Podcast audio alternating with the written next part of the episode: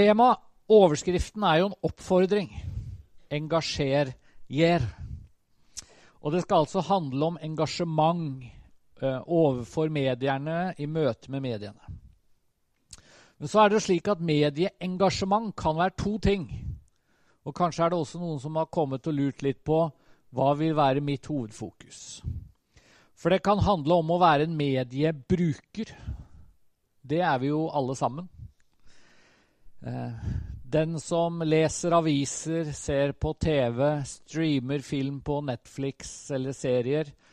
Eh, og jeg syns det er et stort og viktig spørsmål hvordan bør kristne være gode, bevisste mediebrukere? Men temaet kan også handle om det å være en medieaktør. Kan man si det på dansk? Ja. Altså den som faktisk skriver eller sier noe eh, i medierne. Og det vil være mitt hovedfokus i dag.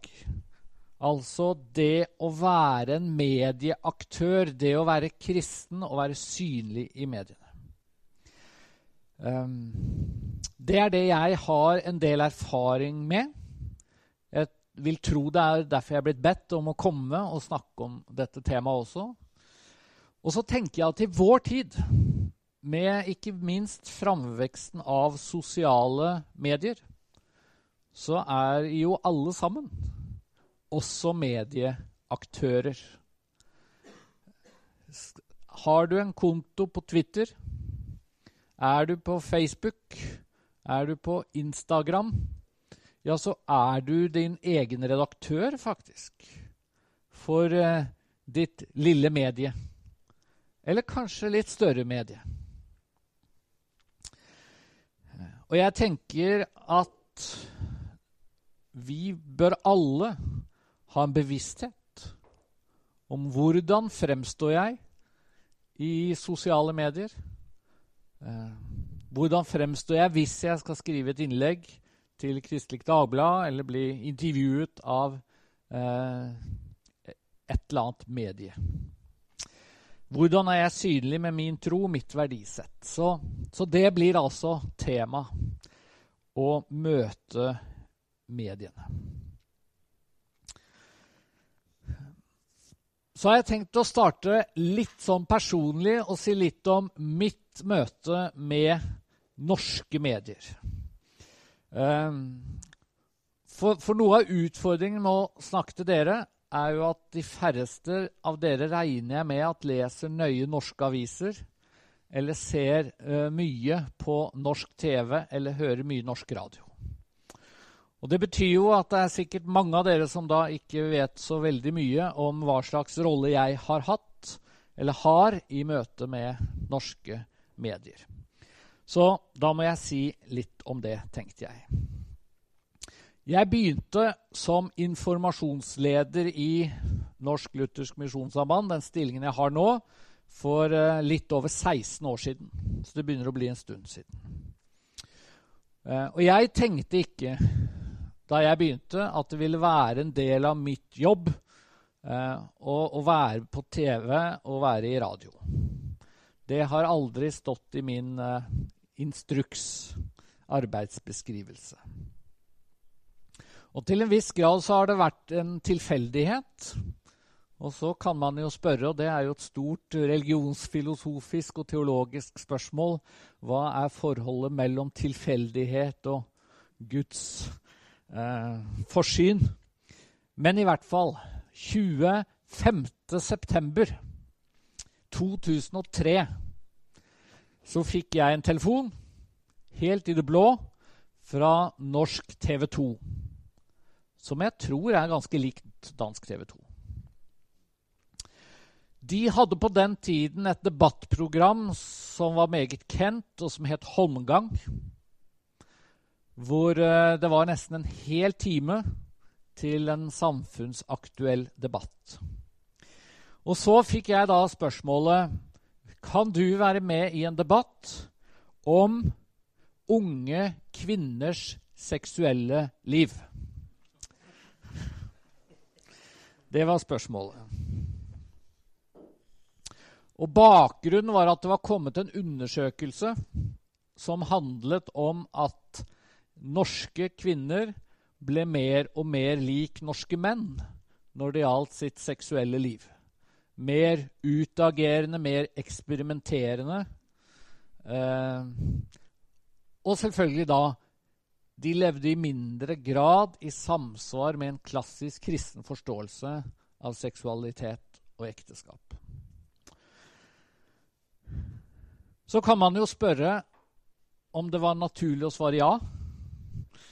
Eh, men jeg svarte ja, og jeg husker veldig godt at jeg gjorde det fordi TV 2 fortalte at det vil være med én kristens aktør, en kristen stemme til. Fra Ungdom i oppdrag heter det på norsk. Det heter omtrent det på dansk òg. Um, eh, og jeg tenkte at ja, men da er vi to uh, kristne personer som vil være til stede. Og litt senere har jeg fått vite at, at jeg ble spurt fordi de som ofte var i debattprogrammer med en kristen hatt på, det var gjerne menn sånn rundt 60-70 år. Og da var det jo i hvert fall litt naturlig, litt mer naturlig, å spørre en mann i 30-eren om han kunne være med. Det som skjedde, var at jeg ble i den debatten plassert som en hoveddebattant. Den andre kristne aktøren han satt på bakerste rad. Så jeg følte kanskje ikke at jeg fikk så uh, mye hjelp. Og så oppdaget jeg det som veldig mange har oppdaget, at uh, journalister går i flokk. Slik at uh, det var min første gang jeg var på en sånn type debatt, sånn type diskusjon. Og de neste ukene og de neste månedene så ble jeg spurt uh, gang på gang på gang. Uh, og dermed har jeg fått ganske mye erfaring med å delta i debatter som på et eller annet, og diskusjoner som på et eller annet vis berører kristen etikk kanskje særlig, men også kristen tro, kristen virkelighetsforståelse. Jeg tror også at jeg hadde en, en uh, fordel i møte med medierne, og det er at jeg er i tillegg til da å være utdannet teolog, så har jeg studert journalistikk. Det var det første jeg gjorde da jeg var ferdig med gymnasiet. Eh, jobbet med radiojournalistikk, og jeg jobber jo fortsatt som journalist i vårt blad, magasin Utsyn. Og kanskje ga det også en liten fordel i møte med journalister, for jeg vet litt mer enn en mange andre om hvordan en journalist tenker, hvordan de opptrer, hvordan møte journalister. Og det jeg også oppdaget da jeg ble mer og mer kjent med de som lagde dette programmet Holmgang på TV 2 For jeg var sikkert med 15 ganger de neste årene på det.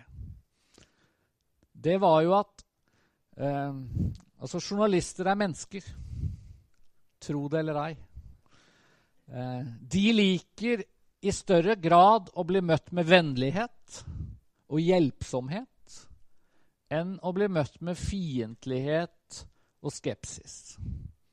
Og Det var en researcher, en journalist i Holmgang, som etter noen år fortalte at, at jeg ringer mye rundt, fortalte han, til kristne eh, aktører. Jeg ringer til biskoper. Jeg ringer til andre kristne stemmer. Og da skjer det stort sett ett av to. Enten så får jeg beskjed om Eh, at man må drøfte dette i en bestyrelse eh, i løpet av en dag eller to, kanskje tre, før jeg kan få svar. Og jeg trenger helst svar i løpet av en time.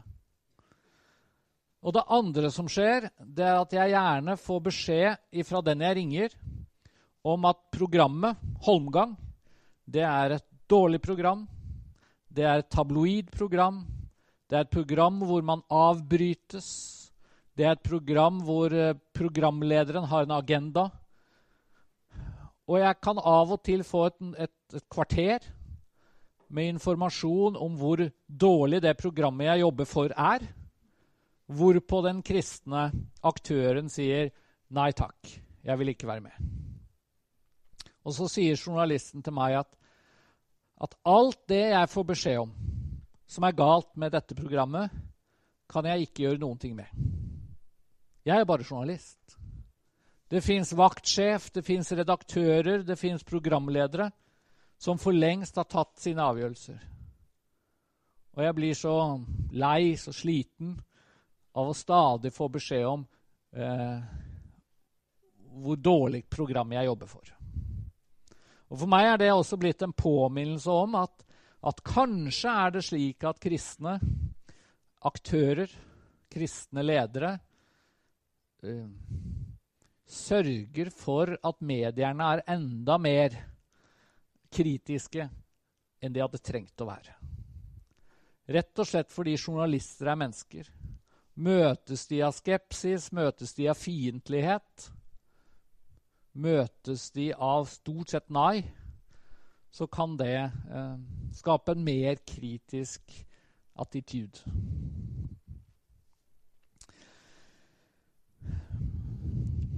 Og noen ganger så kan det jo også se ut som om man har noe å skjule.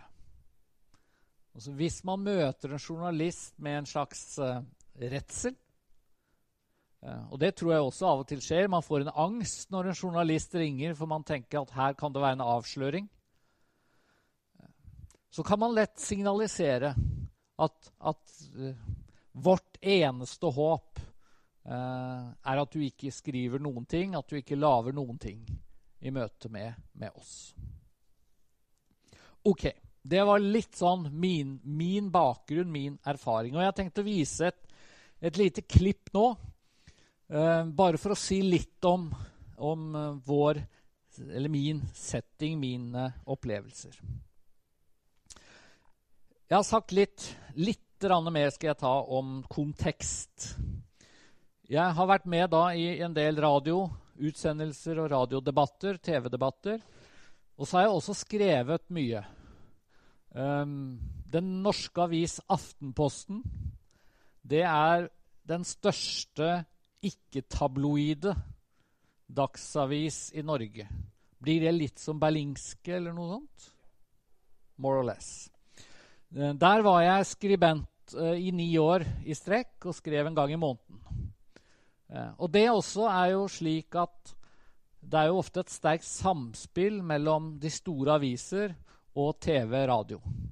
Slik at jeg visste ganske ofte at hvis jeg skrev en artikkel av denne typen, så kommer en radiokanal til å ringe dagen etter og spørre om vi kan lage debatt om det jeg har skrevet. Så der henger ting sammen. Og det siste jeg gjorde eh, på radio og TV, det var i forrige uke. Og jeg tenkte jeg skulle vise det. Dette er, det er ikke det jeg skal snakke om. Men dette er de siste sekundene av forrige diskusjon. Dette er et program som går på NRK, altså tilsvarende DR. Det er både et radioprogram og et TV-program. Um, det er én times debatt, og det er gjerne syv, åtte eller ni temaer. Så alle får sånn sju, åtte, ni, ti minutter til å snakke. Og Bakgrunnen var at vi har hatt en, en lang diskusjon i Norge helt siden mars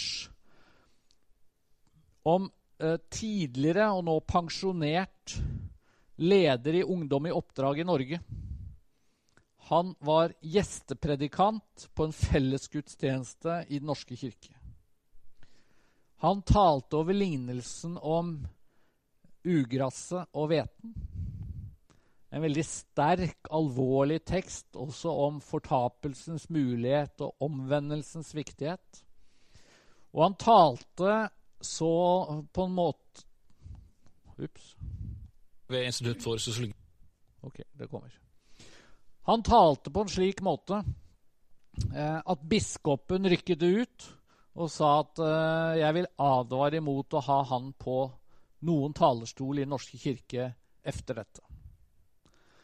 Og Det var nok da kombinasjonen av at han talte om fortapelsens mulighet, helvetes mulighet, og også talte alvorlig om eh, viktigheten av å omvende seg fra samboerskap, heterofilt, eh, homofilt samliv.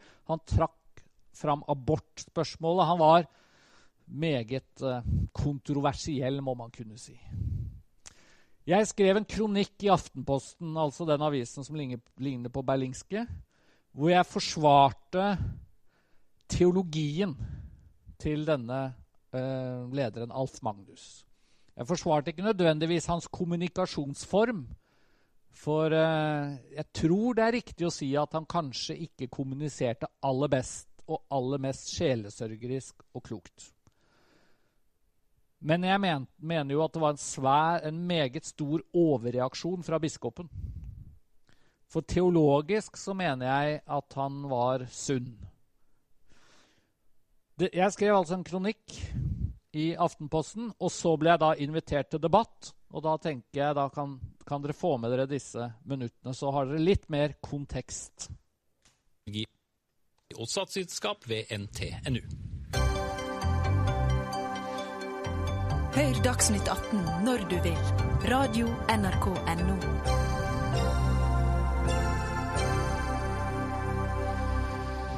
Om man blir uh stemt stilt for riksrett eh, er én ting, og man havner et helt annet sted etter opphold på jorden, noe ganske annet. Debatten har rast både her i Dagsnytt 18 og i avisene, særlig etter at biskop i Borg, Atle Sommerfelt, i sommer tok et oppgjør med predikanten Alv Magnus. Sommerfelt han skrev et brev til samtlige prostier og til preses i Den norske kirke, og advarte mot å bruke denne predikanten pga. en preken den tidligere lederen for Ungdom i oppdrag holdt i Tom kirke i Råde i Østfold i februar. Enkelte med egentlig i menigheten, med sognepresten i spissen, reagerte på ordene eh, om at eh, de som ikke omvender seg, de vil gå tapt. Og mm, dette har fått deg til å skrive i Aftenposten at Den norske kirke ikke tør å snakke om syndene i Bibelen. Espen Ottosen, hva, hva mener du med dette? Du er for øvrig informasjonsleder i Norsk Luthersk Misjonssamband. Nei, altså Jeg ble veldig overrasket over uh, den reaksjonen som kom fra Atle Sommerfelt. Eh, man kan selvfølgelig diskutere om Al-Magnus eh, kommuniserte godt, om det var noe ved forkynnelsen hans som burde vært annerledes. Men sånn grunnleggende sett så tenker jeg at han forkynte noe jeg tror både jeg og veldig mange andre prester er enige om, nemlig at Gud skal en dag holde dom. Det sier vi i trosbekjennelsen. Gud skal komme igjen for å dømme levende og døde. Eh, og at det ligger et alvor over det, og at det går an å vende Gud ryggen. Eh, derfor er omvendelse viktig. Derfor må man ta imot nåde, ta imot tilgivelse. Mm. Og, og kirken, Den norske kirke har, har glemt denne jeg påstår i den kronikken, og jeg har tenkt å stå for det. Så får vi, får vi høre hva Birte Nordahl sier etterpå her. Men, men, jeg tror jo at det er veldig mange prester som er ubekvemme med å forkynne dette. Det kan jeg forstå. Man er redd for å støte folk. Og så tror jeg det er mange som tenker at eh, Gud er jo god, og det skal være hovedsaken. Og da må vi ikke skremme folk, da må vi ikke være for opptatt av eh, alvoret, snakke for mye om synd. Og som sagt, jeg kan skjønne det. Jeg ønsker jo at det er nåde og tilgivelse som skal dominere. Men jeg er jo da redd for at um, noe blir borte i forkynnelsen hvis man ikke har det bakteppet at Gud en gang skal holde dom, og da er det viktig å ha sine synder tilgitt. Divisjonspress på Tøyen uh, i Oslo. Birte Nordahl, allerede for så vidt introdusert av Ottesen her. Men tar han feil? Du har reagert på det han sier? Ja, Vi har i hvert fall veldig ulikt innsteg til dette her. Jeg forstår biskop Atle Sommerfeld veldig godt. Ehm, jeg kan forstå behovet for å advare. Om ikke nødvendigvis mot én eller flere konkrete personer, så i hvert fall mot noe som vi vet skaper uro. Ehm, det er få ting Kirken har mye å be om unnskyldning for. Og en av de tingene er hvordan den har skapt frykt. Og det er få ting som har skapt så mye angst og frykt og fordervelse som forkynnelse om fortapelse, om evig pine, eh, bilder, forestillinger om helvete, om dom, en ubarmhjertig dom. nådeløs dom. Eh, og vi vet at det kan skape dype sår. Vi vet at det skaper fortvilelse og forvirring og skam. Og mange av oss som jobber som prester, eh, vi tar imot mennesker jevnlig.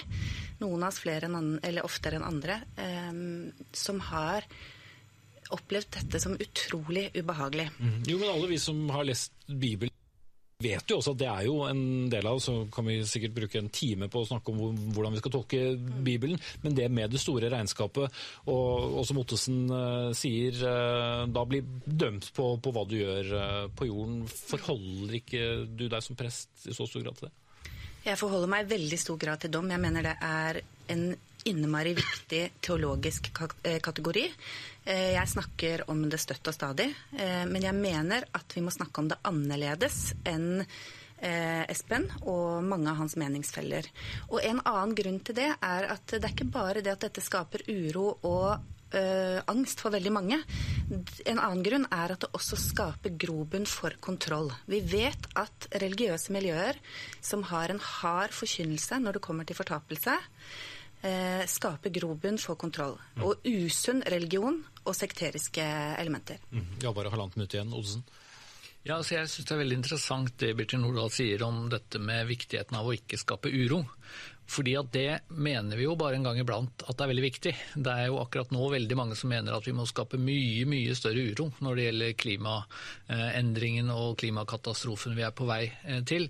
Så det store spørsmålet er jo hvis Gud skal en dag holde dom, eh, og det er viktig at vi møter Gud på den siste dag med troen på Jesus, og det er på en måte min forkynnelse, da. det er det jeg ønsker å stå for, det tror jeg også var hovedsaken for Alf Magnus, så tenker jeg at eh, da skal vi være veldig nøye på hvordan vi snakker om dette. Og jeg er redd for å skape sår hos folk, men, men, men likevel så tenker jeg vi kan ikke rygge unna at uh, det ligger et alvor her.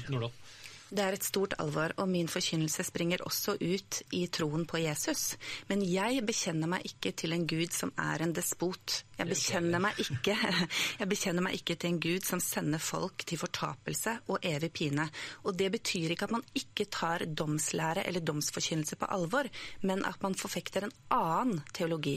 Ja, det og det er to en... forskjellige posisjoner som må anerkjennes. sånn at det, Hvis man insinuerer at Den norske kirke eller prester snakker for forsiktigere om dom, eller annerledes om dom enn du skulle ønske deg, eller Alf Magnus skulle ønske seg, så er ikke det nødvendigvis en svakere tilbaketrekning eller en uvisshet på om man orker de store teologiske spørsmålene, men en forvaltning av erfaringene menneskene forteller. Altså, jeg er jo mindre opptatt av, enn du antagelig er, av menneskers erfaringer. Jeg tenker jo at det som er aller viktigst, det er jo hva tekstene sier. Og jeg opplever at Jesus som er selve grunnlaget for kristendom, han taler så ofte om fortapelsens mulighet at det at en prest da bare slår fast, slik jeg hører du gjør nå, at alle kommer til å bli frelst uansett Ok, det... jeg eh, må se på klokken. Sånn er det bare. Espen? Ja, ja. Jeg fikk i det, jeg fikk i det minste siste ord, selv om jeg ble avbrutt. Uh, om dette er representativt for, uh, for uh, mitt medieengasjement, det kan sikkert diskuteres, men det var altså det aller siste som, som jeg har vært med på i, i norsk TV i forrige uke. og så må jeg jo da innrømme at det jeg har helt klart snakket mest om i disse årene, har jo vært spørsmål som handler om seksualitet, og særlig om homoseksuelt samliv. Det har jo vært en strid i Norge, som det har vært i Danmark, om eh, man skal vie homoseksuelle par, om eh, man kan være prest og leve i et homoseksuelt forhold osv. Og, Og, og jeg har vært med i, i mange utsendelser og diskusjoner om det. Jeg tenkte at dette var et lite sånn klipp å vise når vi nå da skal gå i gang med selve hovedspørsmålet. Og det er jo er det klokt å engasjere seg? Er det rett å stille opp i slike diskusjoner og debatter? Det tenker jeg er, er selve spørsmålet. Og jeg tror ikke det er så veldig enkelt å svare. Um, det er helt sikkert en del som tenker også i konservative miljøer, at, at det har ikke så stor hensikt. Eller kanskje til og med at det, det skader kristendommens sak. Og det har jeg lyst til å reflektere litt eh, over. Før jeg sier litt om eh, hvorfor jeg selv har valgt å engasjere meg på denne måten, så har jeg lyst til å si litt om, om mitt forhold og min vurdering av medierne. Og da tenker jeg altså primært på de sekulære, allmenne mediene. Uh, selv så har jeg et ambivalent, kan man si det på dansk, ja, forhold til medierne. På den, ene siden så syns jeg det er spennende og interessant å få slike muligheter. Jeg syns det er eh, interessant å snakke med journalister. Jeg opplever de ofte som hyggelige, eh, nysgjerrige, interessert. Eh, når jeg skulle være med i denne debatten, så ringte det en journalist som tydeligvis ikke kunne noen ting om kristen tro og teologisk debatt. Og det syns jeg var, Det var, en hyggelig mann å snakke med. Eh, og jeg har også oppdaget som jeg har vært inne på, at det går an å bygge gode relasjoner til journalister. Eh, jeg kjenner et par-tre journalister som er blant de mest kjente i Norge, som, som av og til ringer meg bare for å drive research. Og det syns jeg er veldig, veldig hyggelig, veldig, veldig interessant.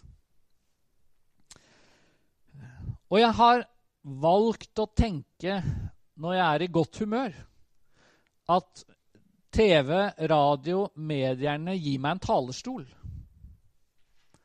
Og jeg er mye predikant. Og hvem vil si nei til en talerstol hvor man kan snakke med tusenvis og tusenvis av mennesker? Som sagt, når jeg er i godt humør, så tenker jeg på medierne som en talerstol. Men på den andre siden så er jeg også mediekritisk. Det er veldig enkelt å finne eksempler på ting som foregår i eh, medierne, som er dypt kritikkverdig. Det er fristende å påpeke at de er overfladiske, sensasjonsdrevne, uten nyanser, og at de elsker overskrifter som ikke alltid er presise. Men så er det blitt viktig for meg å tenke, kanskje også for å på en måte overleve i denne medievirkeligheten, at jeg tror ikke at det er medierne og journalistene som er særlig moralsk korrupte. Det er det norske, eller kanskje til og med av og til det danske folk. For medierne gir folk hva de vil ha. Og det er et samspill mellom hva vi mediebrukere klikker på, hva seertallene forteller, hva vi kjøper, av aviser, ukeblader. Det er et samspill mellom det og hva redaktører og journalister faktisk produserer. Det er helt tydelig at det veldig mange mennesker vil ha i dag, det er eh, nøgenhet og sex. Det er X on the Beach og Paradise Hotel. Og sikkert andre programmer som jeg ikke helt har fått eh, med meg. Og de vil ha kendisnyheter, det vi på norsk kaller for sladder. Ryktespredning osv.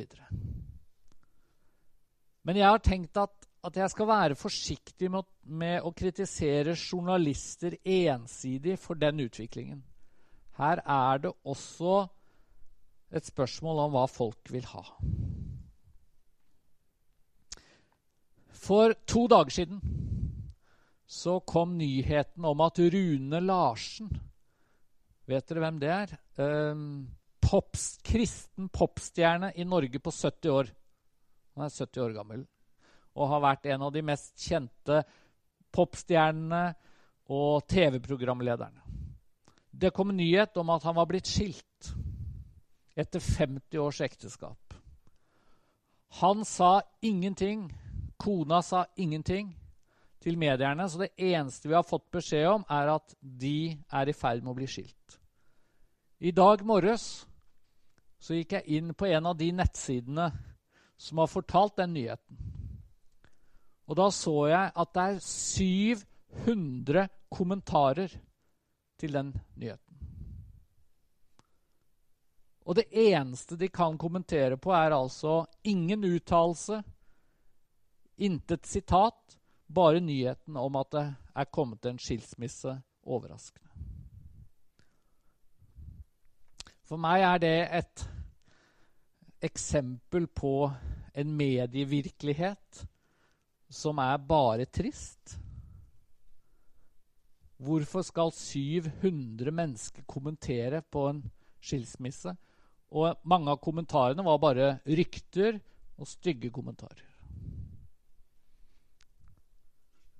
Men skal jeg kritisere journalisten, eller skal jeg kritisere de 700 som ment, ville mene noe offentlig om dette på en Facebook-side? Jeg er altså ambivalent i møte med mediene. Og også nå har jeg ikke engang nevnt måte, fiendtligheten mot kristen tro. For den finnes jo også. Det er mange journalister som er dypt skeptiske til kristen tro generelt, og, og kanskje særlig til det som betegnes som konservativ kristen tro. I Norge fikk vi en ny partileder i KrF, Kristelig Folkeparti, ved nyttår. Han har fått et enormt medietrykk fordi han ikke ville gå i Pride-parade. Og jeg blir litt skremt av måten dette gjøres til nyhet på. Jeg blir litt skremt over hvor lenge man kan lage nyhet på at han har sagt en gang at han ikke vil delta, og derfor ikke deltar.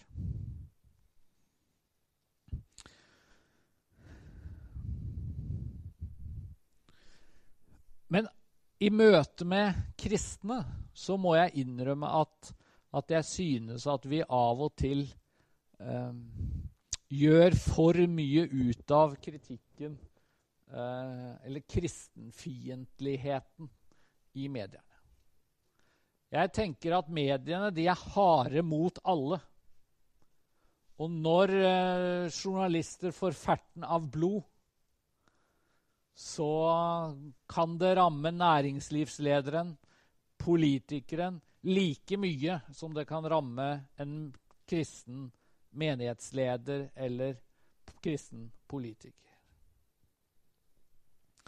Så, sånn sett så er nok min medieskepsis og mediekritikk eh, generell.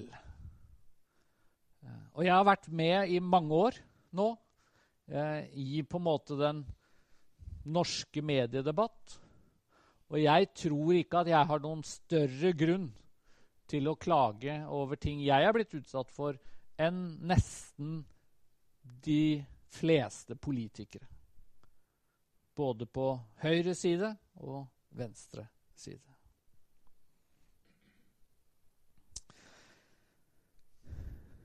Men jeg er altså mediekritisk. Jeg ser også, i hvert fall på gode dager, på mediene som en talerstol. Og så er det én ting til som det er viktig å få sagt om, om mitt syn på mediene. Og det er at jeg har valgt å, å akseptere mediernes rammer for engasjement. Og hva betyr det?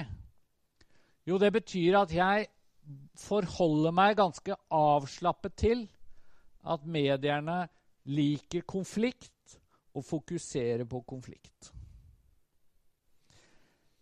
Jeg er blitt introdusert i ulike debatter og diskusjoner utallige ganger med påstanden Vi har med oss Espen Ottosen i Norsk Luthersk Misjonssamband. Han raser over et eller annet. Og jeg tror ikke jeg raser så veldig ofte. Men det er på en måte en slags sånn innpakning. Det er en måte å få folk til å spisse ørene og følge med. Og jeg har bestemt meg for at jeg lar meg ikke irritere eller provokere av slike ting.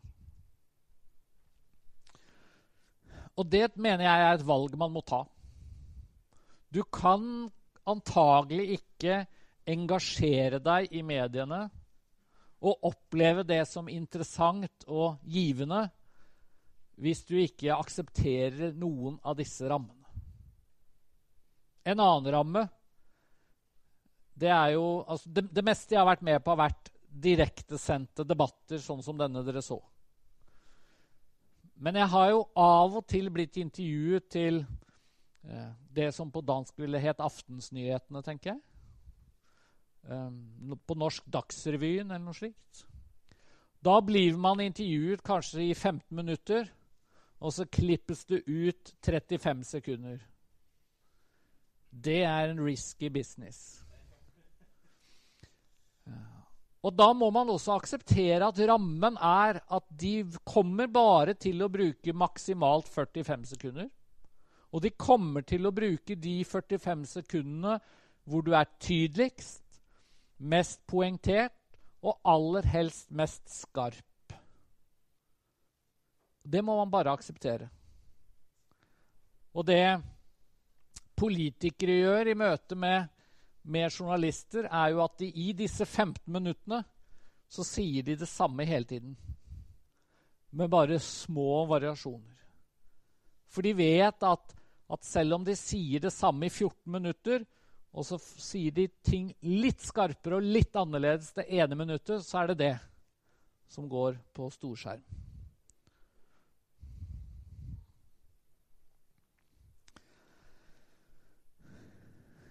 Så har jeg tenkt å si litt om hvorfor ikke engasjere seg. Hva er argumentene for at kristne ledere, kristne aktører, gjør minst mulig ut av seg selv um, når det gjelder medieengasjement? Uh, og jeg har lyst til å begynne med å si at det har jo hendt at jeg har angret på ting jeg har vært med på. Det har hendt at jeg har tenkt at kunne Hvis jeg hadde sagt nei, ville det da blevet ingenting? Ingen debatt i det hele tatt? Og ville det tross alt vært det beste? Jeg har av og til spurt meg selv om tidsbruken min er riktig. Det er hyggelig å få en talerstol, men å få den i 45 sekunder og forberede seg i tre timer og kjøre bil to timer att og fram, det kan være litt sånn god tidsbruk. Og jeg har møtt øh, to journalister, tror jeg, som jeg har tenkt at dere er Du er så fiendtlig, du er så negativ, at, at, uh, at dette vil jeg ikke være med på uh, neste gang. Og jeg har også vært i et par ganger hvor, hvor, jeg har tenkt at det du vil, det er ikke, som journalist, det er ikke å lytte til det jeg står for, det jeg mener, men det er å ha en slags klovn. Ha en, en, på en måte en så kuriøs person. Tenk å mene at sex før ekteskapet er galt. Hvilken verden lever du i? Og, og ta deg inn. Og jeg tenkte at det ønsker jeg ikke å være med på.